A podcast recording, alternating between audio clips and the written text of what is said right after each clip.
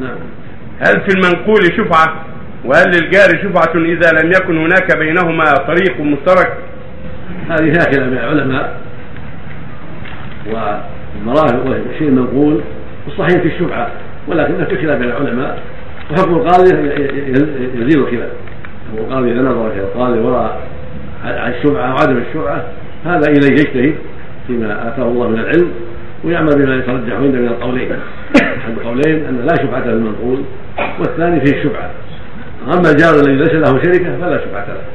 اذا جار مجرد الطريق العابر الواسع هذا لا شفعه له.